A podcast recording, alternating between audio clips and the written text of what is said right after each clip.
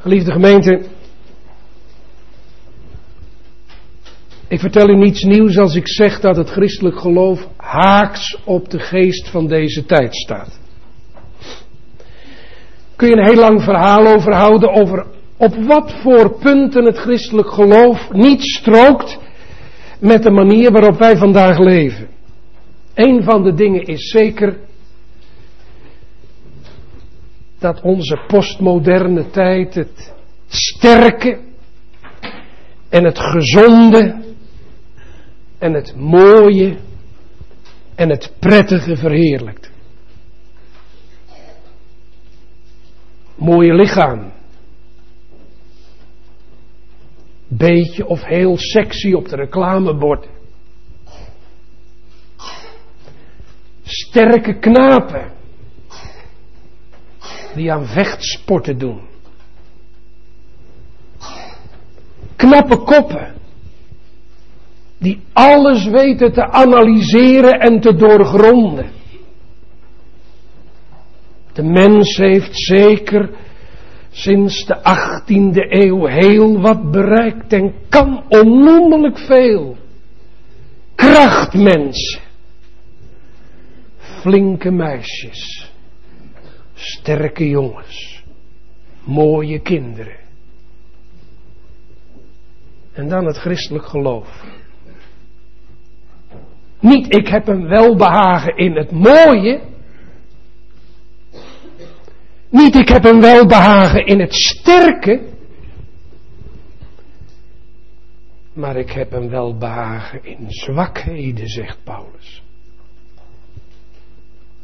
Misschien heb je in gedachten al wel gelezen in slapheid. Nee, dat staat er niet. In zwakheden. Wat bedoelt Paulus? Of liever, wat bedoelt de Heer Jezus wanneer hij zegt, indien iemand achter mij wil komen, die nemen zijn kruis op, zwak als hij is. Is het waar wat de Duitse denker Nietzsche ooit zei, dat het christendom het lijden en de pijn verheerlijkt? En dat het daarom haak staat op wat hij noemde de herenmoraal, waar Hitler mee aan de gang gegaan is, de sterke moraal. En dat het eigenlijk een godsdienst van slaven en vertrapten is. Nee, Nietzsche en andere krachtdenkers en krachtmensen, ze hebben geen gelijk. Want de zwakheid van ons mensen. En volgens de Bijbel zijn we allemaal zwak. De kleinste onder ons en de oudste onder ons. De ouder wordende en zwakker wordende onder ons en de jonge man van 22 die heel wat kan zwakte van ons mensen is de plek waar de werkelijke kracht hier op aarde woont. De kracht van Christus. Het thema van de preek is kracht in zwakheden. En dan letten we op drie dingen. Allereerst op de strijd met zwakheden. Want Paulus had het met die zwakheden echt niet zo makkelijk hoor. In de tweede plaats de genade in zwakheden. Want God zegt tot Paulus door zijn zoon Jezus Christus, mijn genade is u genoeg om te leven, om te sterven. En tenslotte het uitzicht bij die zwakheden.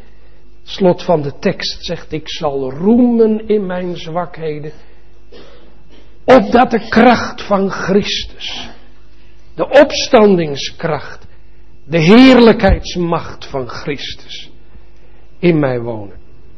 Dus kracht in zwakheden, de strijd tegen zwakheden, de genade in de zwakheden, het uitzicht bij de zwakheden. Paulus heeft heel wat te stellen gehad met die gemeente van Korinthe. U weet, de gemeente van Korinthe is de gemeente waar Paulus gewerkt heeft. Hij heeft die gemeente gesticht. Hij heeft er ook vrij lang in die gemeente gewerkt, maar ook toen hij er weg was, Toen had hij heel wat met die gemeente te stellen, want in die gemeente kwamen al heel snel dwaalgeesten. Je moet nooit het fabeltje geloven dat de vroege kerk geweldig bloeide. Ja, dat was ook zo. De Heilige Geest werkte krachtig. Maar waar de Heilige Geest werkt, gemeente, daar is het nog geen paradijs hier op aarde hoor. Daar werkt de duivel ook. En die duivel zocht juist die bloeiende gemeente van Korinthe nog maar pas tot geloof gekomen waren velen. Zocht hij te verstoren en te verwarren door dwaalleraars te sturen. U moet maar niet vergeten dat de duivel de grote stoorzender is in het koninkrijk van God van den beginnen. Zegt zijn naam ook diabolos, oftewel duivel, dat betekent eigenlijk uiteenwerper. De duivel gooit alles uit elkaar. Kerkscheuringen, ze zijn van de duivel. Conflicten in de gemeente, ze zijn van de duivel, niet van God. Onderlinge verhoudingen onder kinderen van God die verstoord raken, de duivel zit erachter. En de duivel gebruikt allerlei middelen. Een van de middelen die hij van begin af aan gebruikt heeft, is om de waarheid van God ter discussie te stellen. Is het ook dat God gezegd heeft? Is het ook dat Jezus geleerd heeft? Nou, die geesten werden ook machtig in de gemeente van Korinthe en allerlei superapostelen noemt Paulus op een gegeven moment letterlijk. Die kwamen in de gemeente en die hadden heel wat te vertellen hoor. Dat waren krachtmensen, geestelijk gesproken. Die konden zich beroemen op openbaringen. Het waren van die soort christelijke goeroes, weet u wel. De mensen zaten helemaal met sterren in hun ogen ze aan te kijken. Wat een woorden, wat een krachten, wat een genezingen, wat een toestanden. Hier moet je zijn. En het erge was, ze maakten Paulus en zijn eenvoudige evangelie van Jezus Christus en die gekruisigd verdacht. Ze zeiden, ja, Paulus heeft de gemeente wel gesticht en nou, daar heeft hij wel enige verdiensten voor natuurlijk. Maar Paulus blijft maar staan in de eerste beginselen, Jezus Christus en die gekruisigd. Wij zijn de echte geestvervulde mensen. Wij kunnen ons beroemen op gezichten, visioenen, openbaringen, wonderlijke profetieën, krachtige genezingen, noemt u het maar op. Ze hadden een hele lijst van eremedailles in het koninkrijk van God die ze op hun borst gespeld hadden. Gezichten, openbaringen, genezingen. En wat moet Paulus? Hij komt met het evangelie van een gekruisigde. En hij is zelf naar alle waarschijnlijkheid ook een zwak mens. Zelfs uiterlijker wordt wel gezegd dat Paulus leed aan een oogkwaal en dat hij een wat gebochelde gestalte had. We weten het niet zeker, maar het wordt gezegd. Nee, Paulus is niet meer in tel bij velen in Korinthe. En dan schrijft, hij een van zijn meest bewogen brieven, 2 Korinthe noemen wij hem. En in die brief gaat hij op die vragen die leven en op die machtapostelen en krachtapostelen en hun boodschap in. En hij zegt, nou dan zal ik eens even met hun meegaan, want in Korinthe werd gezegd, ja Paulus is maar zwak en hij brengt eigenlijk maar een zwak evangelie van een zwakke zaligmaker. Kijk, en dat kan Paulus niet uitstaan. Als ze hem zwak noemen, nou ja goed. Als de kracht van het kruis van Christus maar verheerlijk wordt. Maar komen ze aan zijn heren, dan is Paulus een leeuw. En dan gaat hij die dwaalgeesten daar in Korinthe, die krachtmensen ontmaskeren. En dat doet hij onder andere aan het eind van het vorige hoofdstuk en in het begin van dit hoofdstuk om even met die, met die superapostelen, die krachtmensen daar in Korinthe mee te gaan. Hij zegt, nou zij roemen, zij vertellen van wonderlijke gezichten en wonderlijke dingen. Ik zal ook met hun meegaan. Ik doe het niet omdat ik me zo graag beroem. Eigenlijk ben ik onwijs wanneer ik het doe. Maar ik zal ook maar eens gaan vertellen waarop ik mij beroemen kan. Ik zal mijn eremedailles uit het leger van het koninkrijk van God eens laten zien. En wat gaat Paulus dan noemen? Dan moet u eens even lezen en u moet het straks nog maar eens nalezen thuis of aan tafel. Het slot van het vorige hoofdstuk. Zij zijn, zijn zij Hebreeën, die dwaalleraars, 22e vers. Ik ook. Zijn zij Israëlieten? Ik ook. Zijn zij het zaad van Abraham? Ik ook. Zijn zij dienaars van Christus? Ik spreek als een dwaas, onwijs zijnde. Ik ben boven en in arbeid overvloediger. En dan komt het. Dan denk je, nou gaat Paulus beginnen met al zijn kwaliteiten. Nee, dan daalt hij af naar de diepte, naar de zwakheid. In slagen uitnemender. Ik heb meer slagen gehad dan zij. In gevangenissen overvloediger. Ik heb meer in de gevangenis gezeten dan zij. In doodsgevaar menigmaal. Ook dat is me meer overkomen. Van de Joden heb ik veertig slagen min één, vijfmaal ontvangen. Driemaal ben ik met roede gegezeld geweest. Eens ben ik gestenigd. Driemaal heb ik schipbreuk geleden. De ganse nacht en dag heb ik in de diepte, de diepte van de zee doorgebracht. In het reizen menigmaal in gevaar van rivieren, in gevaren van moordenaars, in gevaren van mijn geslacht, in gevaren van de heidenen, in gevaren van de stad, in gevaren van de woestijn, in gevaren op zee, in gevaren onder de valse broeders. En het gaat nog even door.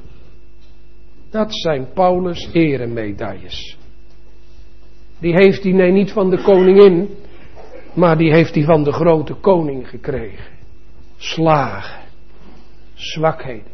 Paulus zegt, als je als jongen of meisje eerlijk bent en deze lijst van eremedailles bekijkt, Paulus, hoe houd je het vol?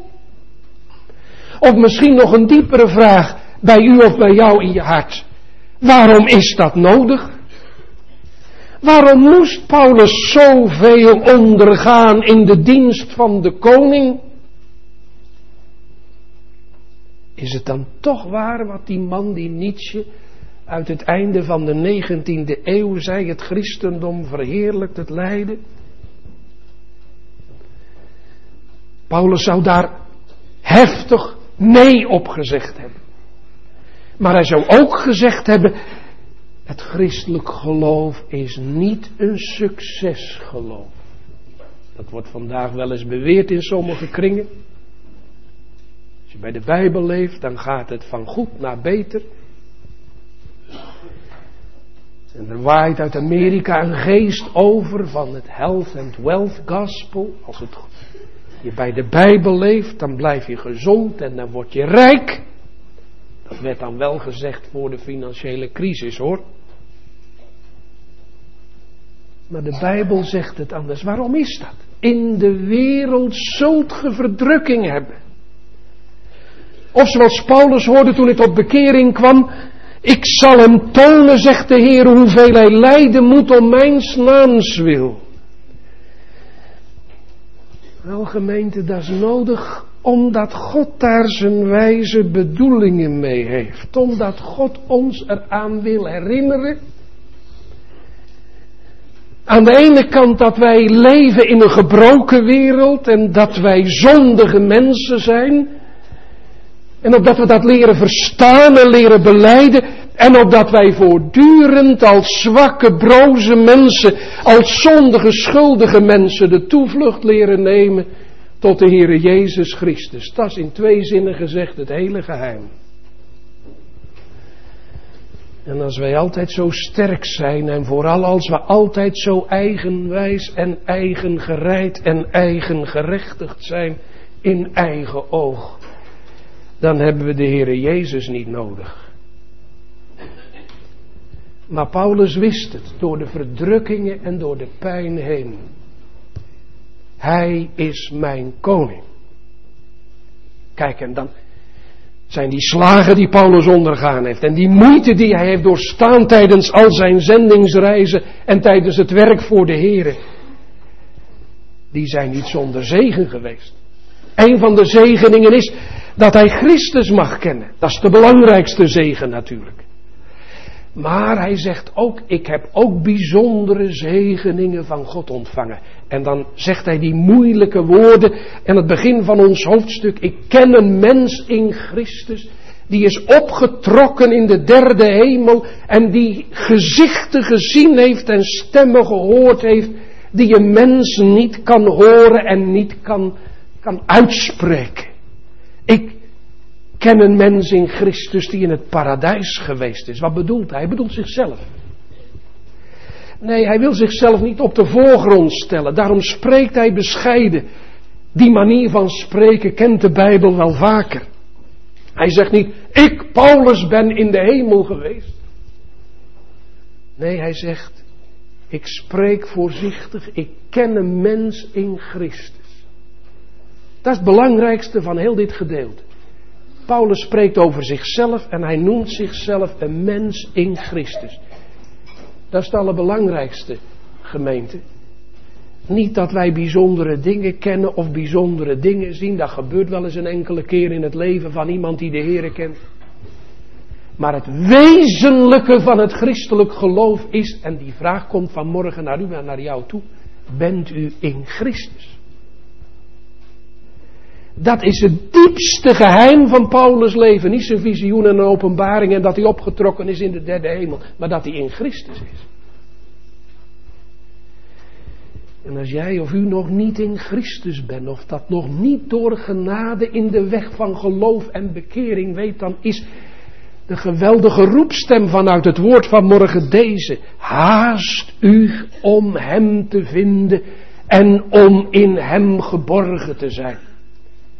Want dan ben je machtig en krachtig, bestand tegen alle dingen die in het leven gebeuren. Paulus heeft iets bijzonders meegemaakt. Waarschijnlijk aan het begin van zijn ambtelijke loopbaan, zeggen de meeste schriftuitleggers. In de tijd dat hij geroepen werd om het evangelie te gaan verkondigen tijdens zijn zendingsreizen.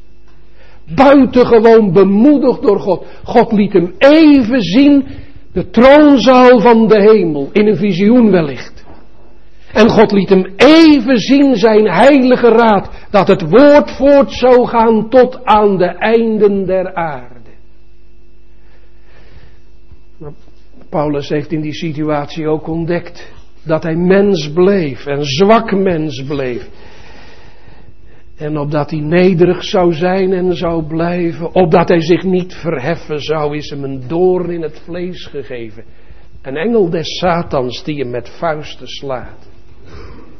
Opdat ik mij niet verheffen zou, schrijft Paulus eerlijk. Had u niet verwachten dat Paulus een hoogmoedig hart heeft, dat hij dat eerlijk zegt hier. Dat hij de neiging heeft om zich te verheffen. Het lijkt zo'n eenvoudige man. En gelukkig als je voor mensen een eenvoudig mens mag zijn en mag blijven. Maar de Heere kent het hart van zijn knechten. Ook van de allernederigste en eenvoudigste van zijn kinderen. En hij weet dat de wortel van hoogmoed in ons aller hart woont. Paulus wist er ook van. U misschien ook. Van hooggevoelig, hooggevoelend moet ik zeggen. Hoogmoedig zijn. En de Heere heeft tot Paulus gezegd, Paulus, dat heb je nodig. Ik houd je aan de grond. Ik wil dat je klein blijft, dat je bedelaar blijft. Dat je ontvankelijk wordt en blijft voor mijn genade. Dat je geen machtige fariseer wordt met allerlei toestanden die je etaleert voor de mensen. Maar dat je Paulus blijft. En Paulus betekent wat? De kleine, de nederige, de afhankelijke, Paulus. Doorn in het vlees, engel des Satans, die me met vuisten slaat. Ja, dat is nogal wat. Doorn in het vlees, dat is het beeld van een scherpe doorn die diep doordringt in je vlees en die pijn doet. En een engel des Satans, letterlijk staat er in het Grieks, die hem met vuisten beukt. Dus die hem voortdurend zware slagen toebrengt. Wat is het geweest? Daar is een hele bibliotheek over volgeschreven. Ik noem een paar dingen zonder volledig te zijn. De een zegt, Paulus heeft last gehad van een bepaalde boezemzonde. Calvijn gelooft dat niet en die zegt, ja het is meer de algemene zondigheid van Paulus eigen vlees. Ik ellendig mens. Anderen zeggen het is een ziekte geweest waarmee Paulus worstelde. Die oogziekte die hij had volgens sommigen. Een derde zegt Paulus heeft het er moeilijk mee gehad dat hij ongetrouwd moest blijven. En een vierde zegt Paulus heeft bepaalde psychische problemen gehad. Innerlijk geschokt geweest. Depressieve klachten misschien. Het zou allemaal kunnen. Ik moet u eerlijk zeggen, ik weet het niet wat het precies geweest is. En dan denk ik dat Spurgeon gelijk heeft die in een preek over deze tekst zegt. Weet u waarom het onduidelijk is wat die doorn in het vlees nou precies was? En wat die engel des Satans precies aan vuistslagen gaf? Opdat wij, wanneer we lijden en strijden met onszelf en met de wereld en met ons eigen vlees, ook ons eigen doornen in het vlees en het kruis in ons leven daarin zouden herkennen. Mooi gezegd? God laat het in het midden wat het precies geweest is. Opdat ieder die de Heere vreest en de Bijbel leest met het oog op zijn eigen leven, daar iets aan zou kunnen hebben. En toen heeft Paulus gebeden. Drie keer staat er. Ik heb de Heere driemaal gebeden opdat het weggenomen zou worden. Driemaal, Calvijn zegt dat moet je niet te letterlijk nemen. Paulus zal wel veel meer gebeden hebben. Dat is waar. En toch laat ik het maar letterlijk staan. Ik denk dat de apostel bedoelt dat hij vele malen gebeden heeft, maar heel in het bijzonder bij drie gelegenheden. Wanneer? We weten het niet. Bij drie gelegenheden. En ik denk dat er ook een echo hoorbaar wordt van die grote bidder mag ik hem vanmorgen zo noemen, deze zondag vlak voor de lijdenstijd. De bidder der bidders, de Heere Jezus Christus. Die in de hof driemaal gebeden heeft. Wat? Vader, indien het mogelijk is, laat deze drinkbeker aan mij voorbij gaan, maar niet mijn wil, maar uw wil geschieden. Paulus lijkt in die driemaal opgezonde beden op zijn heiland en zaligmaker Jezus Christus. Driemaal gebeden in de hof van Gethsemane. Gemeente, nou kan het zo zijn dat u zegt, ja deze tekst staat ver van mij af.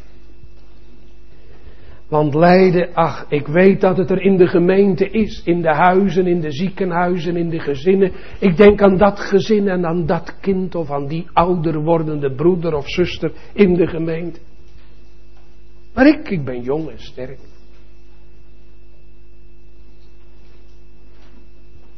Dat is een zegen. Maar je bent ook broos en klein. En bovendien, ook al ben je jong en sterk, of misschien word je ouder en ben nog heel erg vitaal. Hoe zit het van binnen?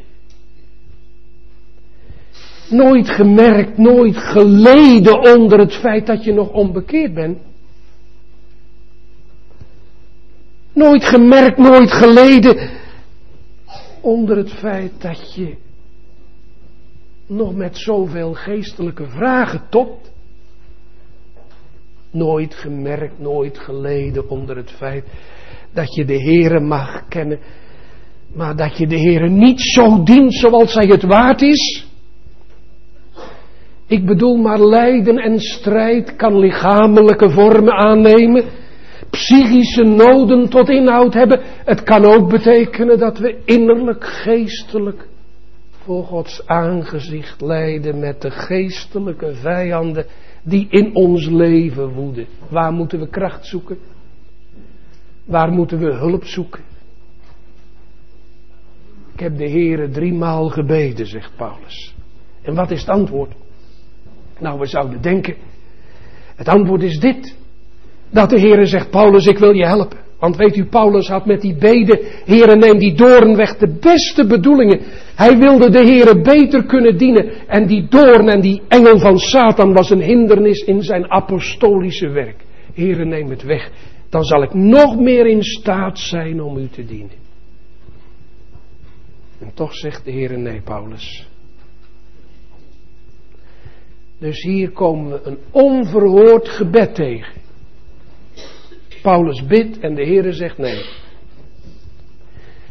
En toch is het geen onverhoord gebed. Want de tekst zegt, Hij heeft tot mij gezegd, mijn genade is u genoeg. Paulus krijgt niet wat hij vraagt. Heere, neem de doorn weg. Nee, die doorn kan niet weg, Paulus. Omdat ik het beter voor je vind. Maar op het gebed geef ik je wat wat kostbaarder is dan wat je vraagt. Namelijk genoeg genade. En dan moet u de tekst goed lezen, want de tekst wordt wel eens zo in de volksmond verkeerd aangehaald. Dan wordt er gezegd, mijn genade zij u genoeg. Als een wens. Ik wens u toe dat de genade van de Heere genoeg voor u is. Nee, dat zegt de Heere niet. De Heere poleert. De Heere belooft en vervult het. Mijn genade is u genoeg als God dat zegt. Dan is dat zo. Door de toepassende werking van de Heilige Geest. Want Hij gebiedt en het staat er. Hij spreekt en het is er.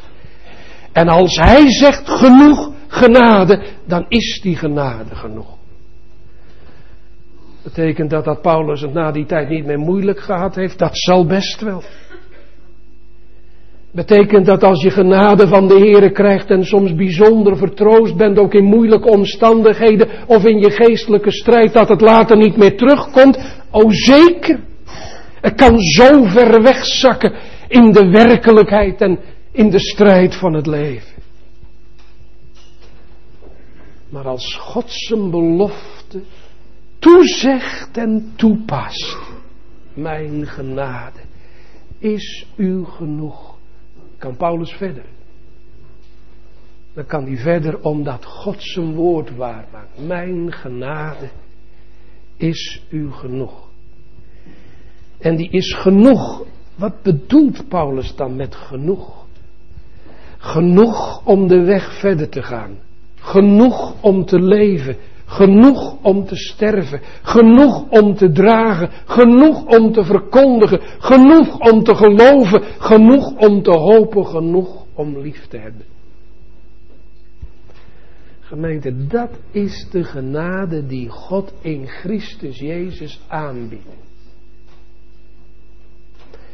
We zeggen het wel eens. één druppel genade. En dat kun je vanuit de Bijbel zeker zo zeggen. Maar vergeet u dan alstublieft niet, één druppel genade is genoeg genade. Een druppel genade bevat alles wat wij nodig hebben. In leven en in sterven. En daarom zit er in een druppel genade altijd een oceaan van goddelijke liefde en ontferming. Want het is genoeg. En weet u waarom het genoeg is?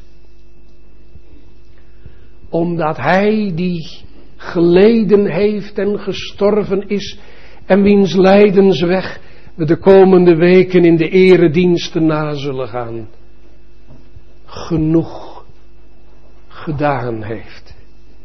Het werk volbracht heeft. Op elk genade woord en op ieder genade blijk van de Heere staat gestempeld als met bloed.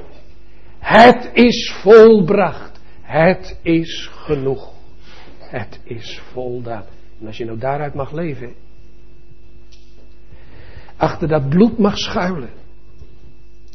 Of je nu gezond bent en sterk, of misschien ouder wordt en gebrekkig, of misschien met ziekte worstelt en een doorn in je vlees, of misschien in je levensomstandigheden veel eenzaamheid, pijn en verdriet hebt. Nee, dan worden de vragen niet onmiddellijk opgelost. En dan kunnen de dingen branden op de bodem van je ziel. Heren, hoe moet het verder? Maar toch steunend op Gods genade is het goed. En dan mag je volgen. En dan is er ook uitzicht. En ik haast me om daar nog iets van te zeggen. Mijn kracht wordt in zwakheid volbracht. Ik zal roemen in mijn zwakheden, opdat de kracht van Christus in mij wonen. Nee, dan bedoelt Paulus niet dat hij roemt in zwakheden, punt. Dat was dat bezwaar van Nietzsche. Christendom verheerlijkt het lijden, punt. Wel nee. Het christendom zegt, hoezeer wij ook lijden en strijden, hoe arm wij ook zijn in onszelf, er is genoeg genade. En dan moet ik zeggen, Heer, aan mijn kant heb ik niets anders te roemen dan te zeggen, ik ben een zwak en broos mens, sterfelijk. Ik ben een zondaar.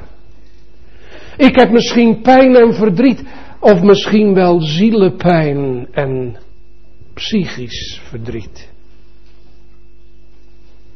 Maar er is bij u toch kracht en genoeg genade. Heere, help mij. En dan is de Heere bereid om te helpen, opdat de kracht van Christus in mij wonen. Wonen, dat is meer dan opdat de kracht van Christus bij mij is. Wonen is permanent. Permanent. En Paulus heeft hier beleden en heeft daar ook door het geloof iets van mogen ervaren. Dat door stormen, woestijnen, ondanks slagen, ondanks de beukende vuist van de Satan, ondanks de macht van de zonde die in hem woont, de Heere is met mij. Zijn kracht ondersteunt mij. Zijn hulp leidt mij. Hij is mijn schild en mijn bevrijder. En dat is alleen om Hem. Christus. Christus van wie onze tekst dit korte zegt. Mijn kracht wordt in zwakheid volbracht, opdat de kracht van Christus in mij woont. Waarom is dat ten diepste zo dat Paulus zwak is? En dat hij met zijn zwakheid naar de grote bron van alle kracht mag vluchten? Omdat de Heer Jezus zwak geweest is. Tot aan de kruispaal van Golgotha. En zo door de dood en door het graf heen krachtig bewezen heeft dat hij de zoon van God is. Wat bedoelt u, zul vragen? Dit. Dat wie nou de Heer Jezus Christus oprecht nodig krijgt. En alle kracht en hulp en genade alleen van Hem verwacht, omdat wij zondaren zijn en niets hebben die gaat achter de Heere Jezus Christus aan. Die gaat Hem volgen. En wat is Hem volgen? Staat in het Evangelie. Indien iemand achter mij wil komen, die nemen zijn kruis op en volgen mij. Volgen van de Heere Jezus Christus betekent niet een succesgeschiedenis. Van goed naar beter. Maar het betekent strijden. Klinkt achter hem welkom in de strijd. Het betekent kruisdragen. Maar dan zul je het ervaren. Opdat de kracht van Christus in je wonen. En die kracht die vloeit van die leidende borg. Die wist van psychische angsten in de hof van Gethsemane. Waar zijn nood zo groot werd dat hij droppels bloed zweette. Die wist van lichamelijk lijden en zielenlijden aan het kruishout van Golgotha. Die kracht van Christus is zo groot dat in de grootste smarten, zegt de dichter in het geloof, blijven onze harten in de Heere gerust. En dan denk ik aan een geschiedenis uit het einde van de Tweede Wereldoorlog. Twee broers waren naar Duitsland getransporteerd om daar voor de bezetter te werken. En de een werd ernstig ziek door ondervoeding. Open been, gezwollen handen, gezwollen voeten. En door de bombardementen van de geallieerden op al die fabrieken waar oorlogstuig gemaakt werd in het noorden van Duitsland, moesten ze van het ene kamp naar het andere kamp. En die oudste broer, de zieke broer, die kon niet meer. En het was een barre winter. En hij was zo moe en zo ziek en zo koortsig. Op een gegeven moment viel hij neer aan de kant van de weg en hij zegt tegen zijn broer: Laat me hier maar liggen. Laat me hier maar sterven. En zijn broer zegt tegen hem: Indien iemand achter mij wil komen, die nemen zijn kruis op en volgen mij. Hè? Laten we dan maar verder gaan.